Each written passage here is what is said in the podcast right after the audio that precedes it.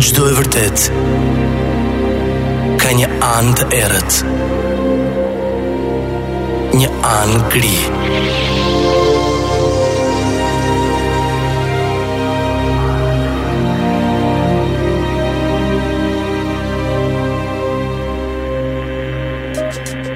Histogri. Histogri. në Top Albania Radio. Përshëndetje të gjithëve. Dëgjohemi sërish bashkë në Top Albania Radio pasi mbyllëm një sezon të plotë me dilemën, që ishte programi i interesit direkt mbi atë se çfarë ndodh në këtë vend dhe intervistave të gjata e rrëfimeve të plota të shumë personaliteteve që ne i zgjodhëm me shumë kujdes. Dhe radio të jep mundësi të dëgjosh shumë, sidomos kur ka zëra që në bisedat dhe interesin qytetar mbi jetën urbane dhe jo vetëm, opinionet vlejnë në çdo kohë. Por kjo ishte ajo që shkoi. Por këtë javë kemi vendosur që në radio t'ju tregojmë për të tjerët. Historitë e njerëzve të mëdhenj që në fakt kanë hijet e tyre gri deri të errta në jetë dhe të panjohura për pjesën më të madhe. Sot nuk është e vështirë të gjesh informacion dhe histori online. Madje aq më mirë është të lexosh për pjesën më të madhe, që në një pikë mos ngatrohemi, për shembull me konspiracionet e televizioneve. Se së paku historitë që do të dëgjoni këtë javë janë me fakte, mbështeten në dëshmi, dhe mbi to është kërkuar gjatë sepse në këto kohë sensacion është kliku në tru. Ajo që unë për shembull nuk bëj dot ndryshe është të lëviz nga zanati. Prandaj mirë se erdhët në një cikël të ri podcastesh në Top Albania Radio që quhet Histogri. Sepse ka histori, por dhe anën më të errët të saj, në skutat më të paimagjinueshme. Disa prej historive më misterioze të Hollywoodit, jeta, Vepra dhe vdekja e artistëve më të njohur dhe më ndikues në breza, që do t'i gjeni të rrëfyera për herë të parë në një dokumentar radiofonik i cili do t'ju mbajë, shpresoj të mbërthyer pas radios në çdo episod. Nga e vërteta e vdekjes së Jim Morrison, misteret e jetës së Elvis Presley, degradimin e Marlon Brando, dramës së Edith Piaf, apo se si Stanley Kubrick krijoi mashtrimin për mbërritjen në hënë të njeriut dhe të tjerë personazhe, të tjerë personazhe që kanë ndryshuar botën. Unë jam Eno Popi, së bashku me SAIX do të nisim sot Histogri. Këtë program e dëgjoni në Top Albania Radio dhe do të jetë i disponueshëm në çdo platformë podcasti në botë për ta dëgjuar ku dhe kur doni ju. I pari sot është legjenda Elvis Presley.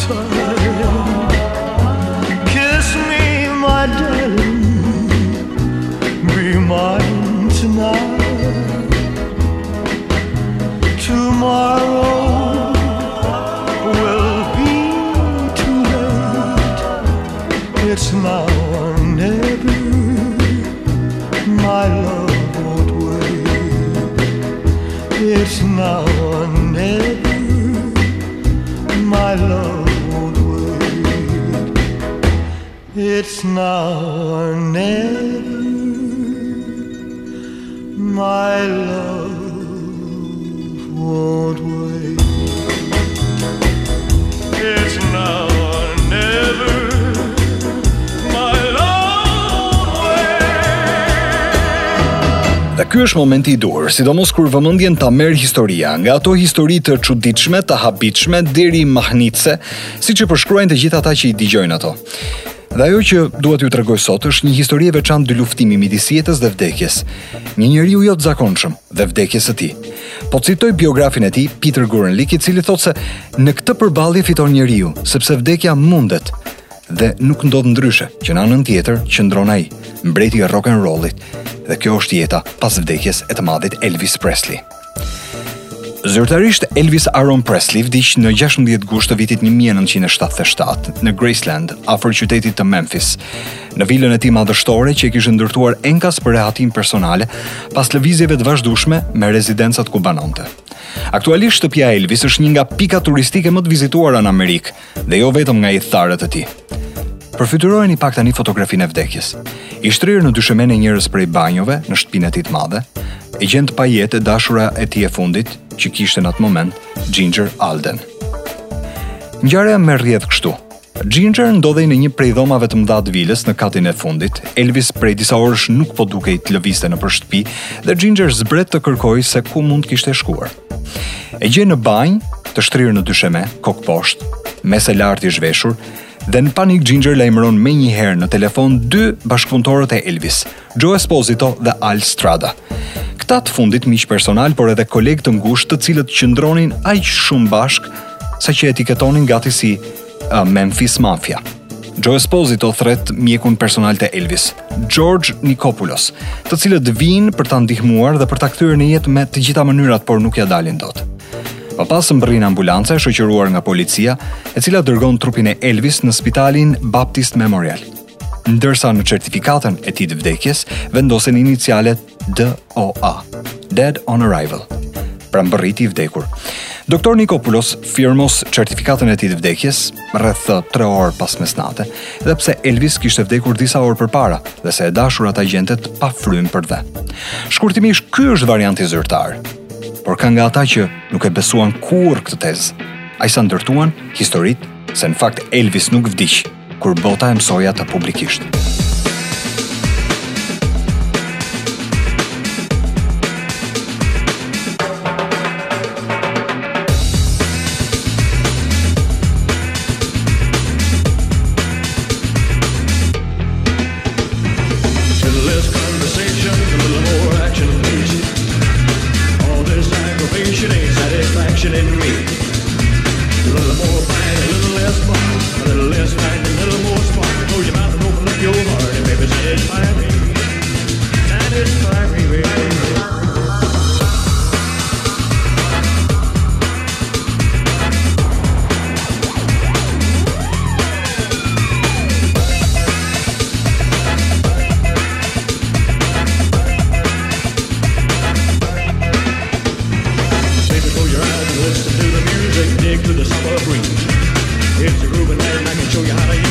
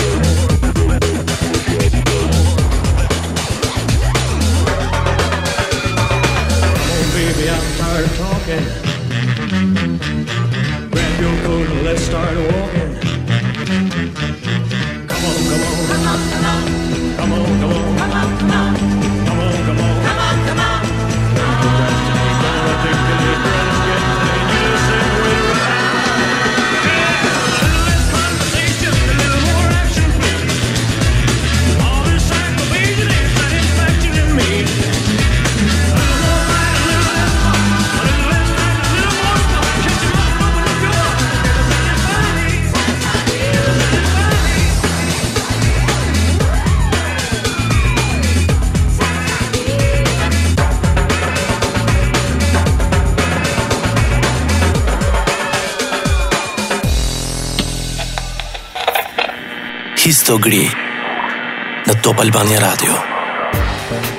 Sapo dëgjuat A Little Less Conversation, një këngë që e kemi luajtur vazhdimisht në programin e mëngjesit. Po t'i rikthehemi historisë. Matt Frost është një fotoreporter amerikan, nga ata që janë marrë me investigime dhe hetime jozyrtare. Në Amerikë njihet si personazh që futej gjithkund kur kishte interes të kërkonte. Në 2007, 30 vite pas vdekjes zyrtare, ai shkon në Kubën komuniste të Kastrove ku arrin të hyjë në spitalin George Arnon, në Havana, ku ishte shtruar në atë kohë udhëheqësi kuban Fidel Castro. Mati ishte i veshur si infermier, lëviste nëpër repartet e spitalit në kërkim të Castros, të cilin me patjetër donte t'i bënte një fotografi në shtrat spitali për ta shitur shtrenjtë më pas në shtypin perëndimor. Befas sheh dy roje të armatosura që qëndrojnë jashtë një dhome, duke menduar se aty ndodhet Fideli i Kubës. Hyn brenda dhe aty gjen një person afërsisht të 70-tave që e sheh me vëmendje. Plaku arrin ta kuptojë që Mat nuk ishte infermier. Madje gati e njeh se cili ishte dhe i drejtohet me tre fjalë. Po, unë jam Elvis. Frost pretendoi gjatë se Elvis Presley i kishte treguar gjithçka. se si kishte inskenuar vdekjen e tij dhe se si kishte hyrë në telashe me mafien, atë të vërtetën që mund të të hiqte qafe çdo moment. Ngatërresa e fundit kishte ndodhur se kishte blerë një avion të shtrenjtë nga një bos mafioz i cili më pas i kishte vjedhur paratë. Elvis kishte denoncuar në polici dhe pikërisht të nesërmen Presley duhet të depononte në gjykatë për mashtrimin që i kishin bërë mafiozët, por në thelb ai ishte ngatërruar me ta. Ndaj këngëtari i shndërruar në mbret të muzikës, sajoi vdekjen e tij dhe u arratis nën mbrojtjen e Fidel Castros. Mbi tridhjetë vjet kishte qëndruar i fshehur, por Matt Frost pretendoi se e zbuloi gjallë. Këtë variant e tregon vetëm Frost dhe askush tjetër. Ai publikoi foton e një burri të moshuar dhe mbushi titujt e gazetave në Shtetet e Bashkuara të Amerikës se Elvis Presley ishte gjallë. Por menjëherë pas vdekjes, e vërteta është se trupit të Elvis i bëhet autopsia. Mjekët e Spitalit Baptist Memorial, ku u dërgua me urgjencë, shoqëruar nga mjeku personal Nikopulos, ekzaminuan fill e krye madje trupin. Mjekët pohuan se në atë kohë e hapën plotësisht për të nxjerrë konkluzione të sakta mbi shkakun e vdekjes. Mjekët ligjorë shkruan se Elvis vdiq si pasojë e një ataku kardiak shkaktuar nga një mbidozë ilaçesh. Gjurmët në gjakun e kadavrës treguan substancat e ilaçeve që Elvis merrte. Edhe pse nën mbikëqyrjen e mjekut, Elvis i merrte këto ilaçe dhe mes tyre shumë antidepresantë. Merrte aq shumë sa krijoi një varësi ndaj tyre dhe në shumë momente nuk ishte i ndërgjegjshëm për sasinë që gëlltiste. A i shkaktoi kjo vdekjen? Apo e bëri enkas? A ishte i lodhur nga jeta nën presion dhe famë? Për vdekjen e Elvis Preslit është hetuar edhe pista e vrasjes, nëse dikush e ka hequr qafe për çështje pasurie apo trashëgimie. Vdekja e tij si tek askush tjetër, ndau opinionin atë kohë nëse ndodhi aksidentalisht, ishte vetëvrasje apo vrasje.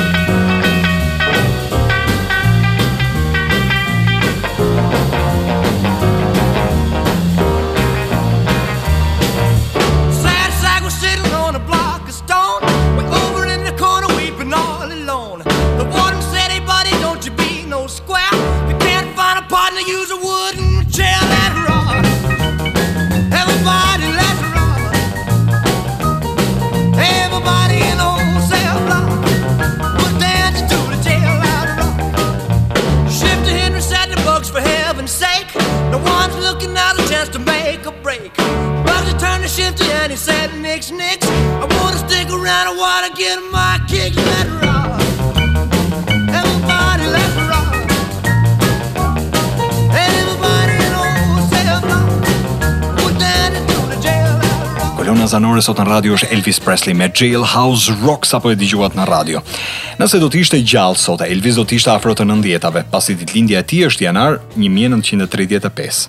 Mosha e shumë individëve në Amerikë që pretendonin se ishin ata Elvis.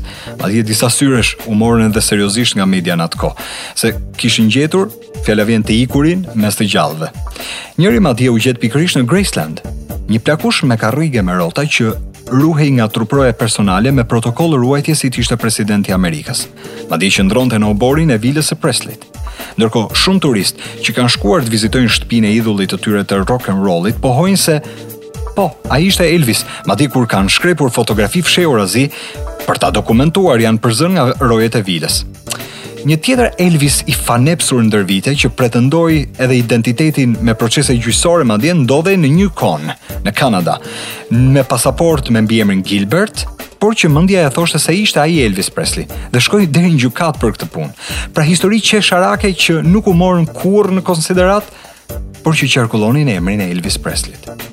Por më vonë, diku nga viti 2002, një shtëpi e vogël diskografike nxori në qarkullim në internet disa covera këngësh të asaj kohe. Për shembull si kjo që do dëgjoni, Living la vida loca.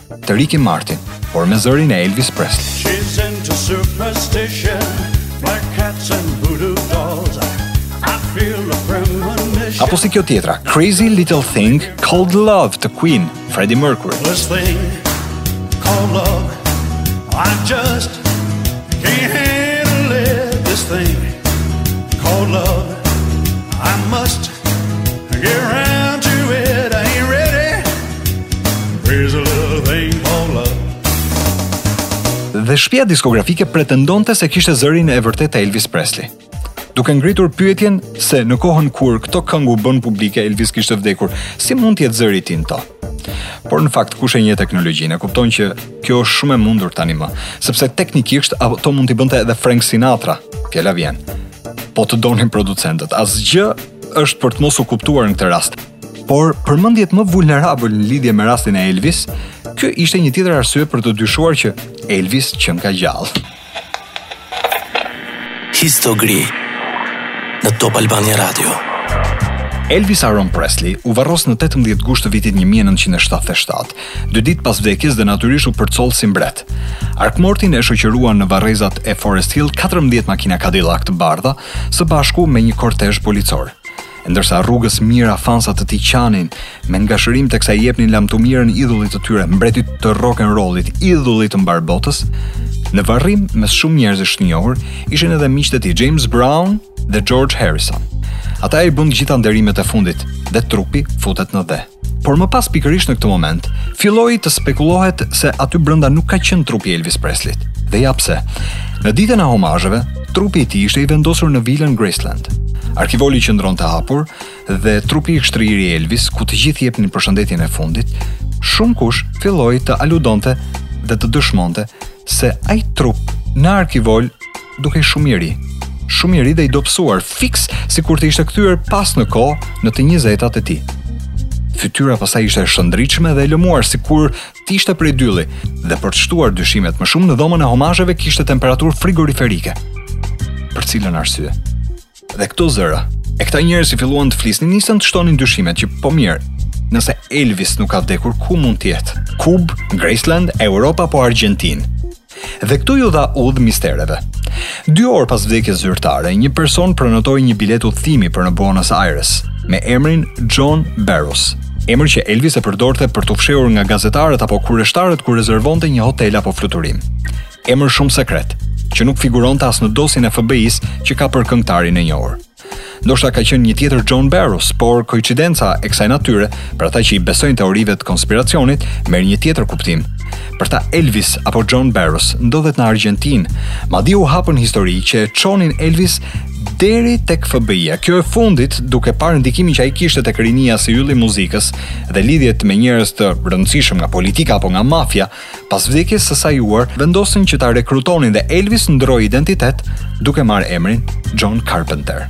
Por kujdes tek emri John Carpenter, që është dhe personazhi i fundit që Elvis interpretoi në kinema, në filmin Change the Habits në vitin 1969.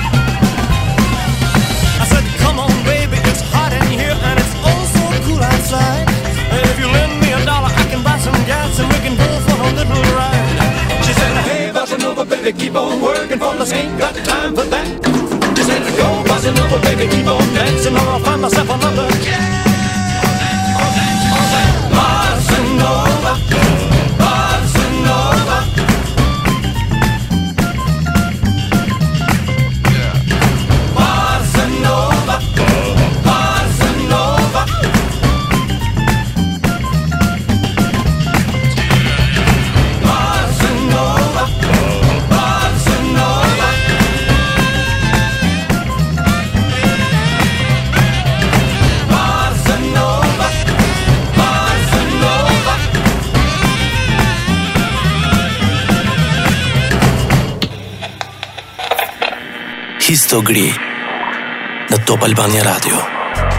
Ky ishte një mix i Viva, dëgjuat Bossa Nova Baby, Elvis Presley në radio. Por kush ka lexuar mbi Elvis së paku do të ngrinte pyetjen përse? Përse dikush duhet të sajonte vdekjen sidomos kur është në kulmin e karrierës? Të gjithë e thrisnin mbret dhe ai kishte gjithçka që dëshironte. E nëse për të do të ishte disa çështje borxhes, Elvis mjaftohej të shiste disa prona dhe çdo gjë rregullohej. Nëse do të ishte ngatërruar me, le të themi, Cosa Nostrën amerikane apo uh, që në botën e artit në Amerikë në fakt mafia ka shumë ndikim dhe shumë prezente, ai në fakt do të kishte gjetur një rrugëdalje. Pra nuk do të ishte kërcënuar jeta kaq fuqimisht sa të ndërtonte një histori të vdekjes personale. Por mafia mund të ketë qenë një arsye që të ndërronte identitet dhe stresi po ashtu, që t'i braktiste të gjithë dhe të jetonte një jetë tjetër. Edhe pse zyrtarisht Elvis nuk jeton më, deri edhe pas viteve 2000 u fol se ishte gjallë. U besua dhe u shpërndanë lajme se legjenda e dikurshme jetonte. Megjithatë rreth yjeve të artit, muzikës dhe politikës, vërtiten histori të forta, të çmendura, deri të pabesueshme, siç është kjo e Elvis Presley, që ka gisht në vrasjen e presidentit të Amerikës, John Fitzgerald Kennedy.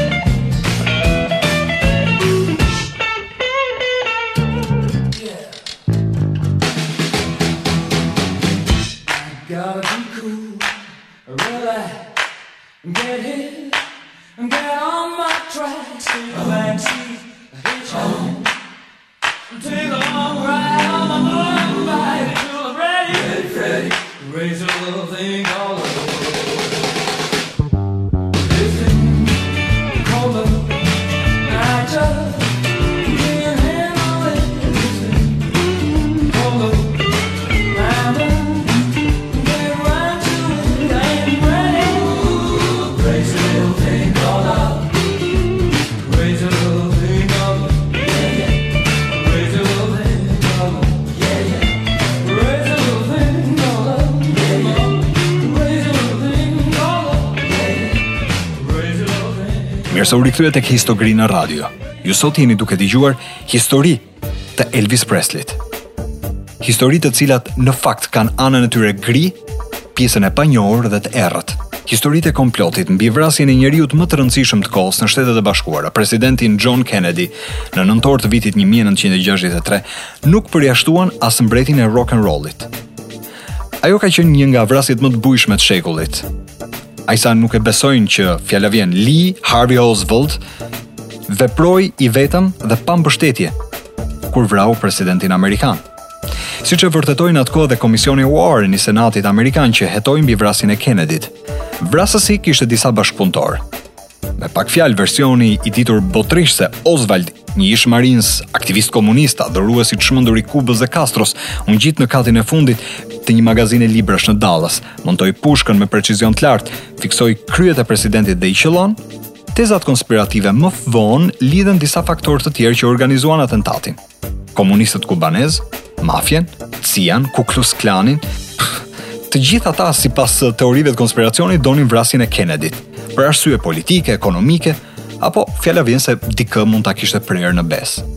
Ka libra, filma dokumentar që i janë rikthyer ngjarjes dhe mbështeten në teori të tjera jozyrtare, të cilat besohen më shumë se raporti i Komisionit Warren. Një prej tyre është edhe filmi i Oliver Stone, JFK. Po ku lidhet Elvis Presley me këtë histori?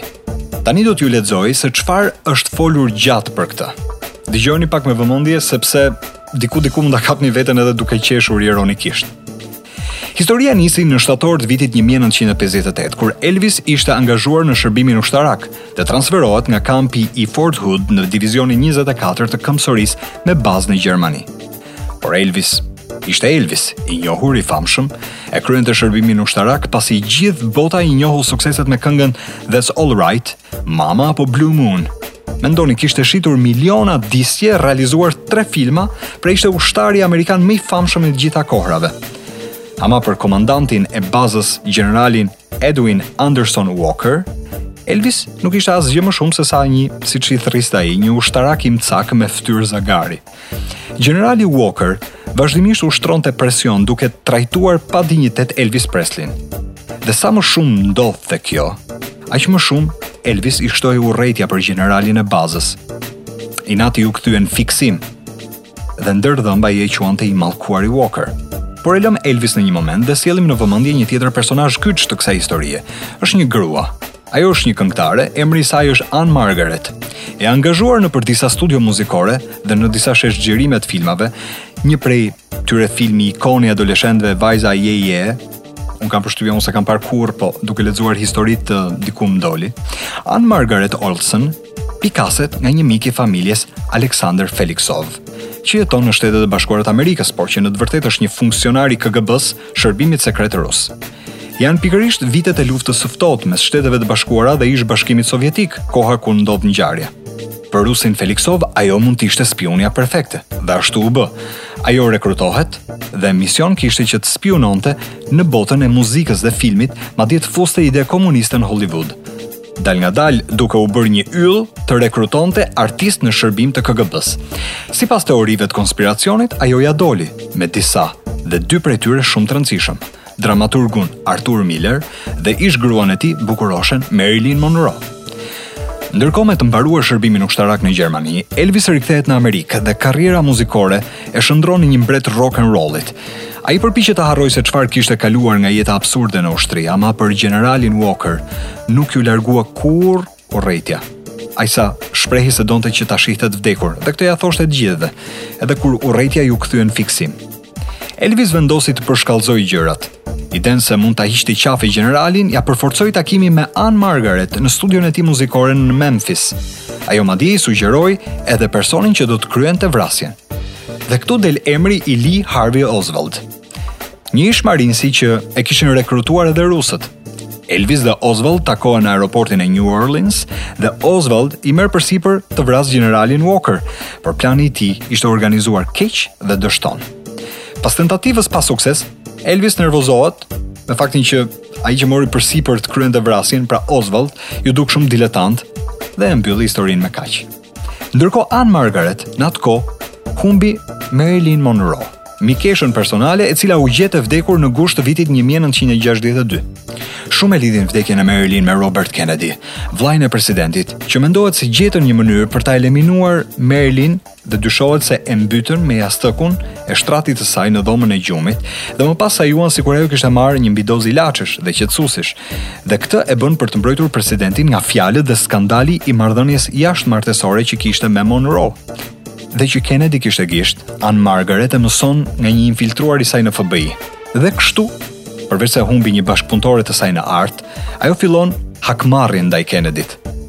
Koha rastis kur ishte duke interpretuar në filmin muzikor Viva Las Vegas, ku protagonisti kryesor dhe ylli i momentit, Elvis Presley, ishte personazhi kryesor në film. Dhe në atë film u fol se nisi historia intime midis Elvis Presley-t dhe Ann Margaret. Ann, josh Elvis, Elvis po ashtu vazhdon të ketë një histori pasioni dhe seksi, por kjo ka një kosto. Ann Margaret ndjen se e ka në dorë Elvis Preslin dhe nis ta kërcënojë. Ose ai do ta ndihmojë që të vrasë John Kennedy-n, ose do ta padisë për tentativën e vrasjes së dikurshme të gjeneralit Walker nëpërmjet Lee Harvey Oswald. Dëgjoni tani,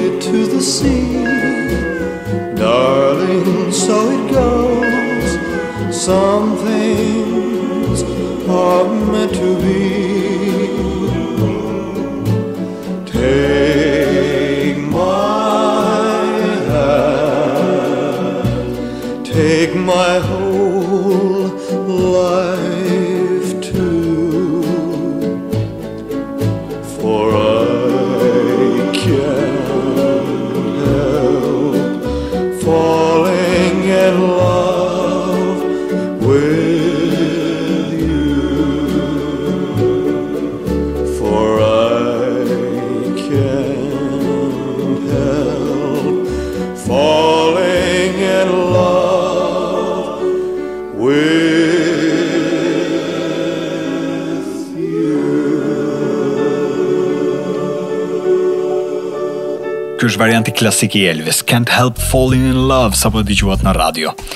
Historia vazhdon. Historia vazhdon sepse Elvis ka vendosur që të ndihmojë Ann Margaret, i zënë ngushtë dhe vështirë në këtë situatë ku Ann Margaret e kërcënon. Historia pastaj që ia kanë qarkulluar Elvis Presley-t bëhet më absurde deri e pabesueshme. Dëgjoni se çfarë kanë shkruar. Dallas, 22 nëntor 1963. Elvis Presley vendoset në katin e dytë të një ndërtese, dikur magazin librash. Në dorë ka një pushkë që ia merr Lee Harvey Oswald. Ky i fundit dëshiron që të jetë ai personi që do të qëllojë. Por duke qenë se dështoi me gjeneralin Walker, Elvis vendos të marrë vetë në dorë armën dhe zë shënjestrën. Deri në momentin kur poshtë ndërtesës do të kalonte eskorta dhe makina e hapur ku ndodhej presidenti Kennedy. Dhe si te kënga It's Now or Never, ai ishte momenti. Elvis qëllon Kennedy plagoset për vdekje dhe Presley i lë në dorë armën Oswald. Ky i fundit zbret poshtë për t'u larguar, por Ann Margaret spiunon se vrasjen e kreu Oswald, i cili arrestohet menjëherë dhe më pas vritet në burg nga Jack Ruby, një ish mafioz amerikan dhe mik i Ann. Pra gjetën një mënyrë për ta eliminuar. Hej, çfarë historie? Ti e lexon, bën ca kërkime, përpiqesh që të deduktosh që a është afër realitetit dhe të mendosh që mbi Elvis Presley, kjo ka qenë një nga tezat që e lidhte deri me krimin. Gjithsesi, detajet e kësaj historie nuk janë kaq shumë, le të themi, sa të ngurtësojnë se Elvis Presley mund të kishte gisht në vrasjen e John Kennedy. Kjo është pjesa gri e një historie që në fakt ka dritëhijet e veta. Unë sot fola për Elvis Presley në radio, dhe kaq për episodin e parë. Në javët e tjera do të dëgjoni histori të ndryshme që lidhin personazhe nga më të dashurit dhe më të famshmit me anën e tyre gri dhe të errët të jetës personale. E do ta mbyllim me variantin e Chromeo të një kënge të Elvis Presley, kënga quhet Clean Up Your Own Backyard. Me sa iksin ju japim përshëndetjen e fundit. Natën e mirë.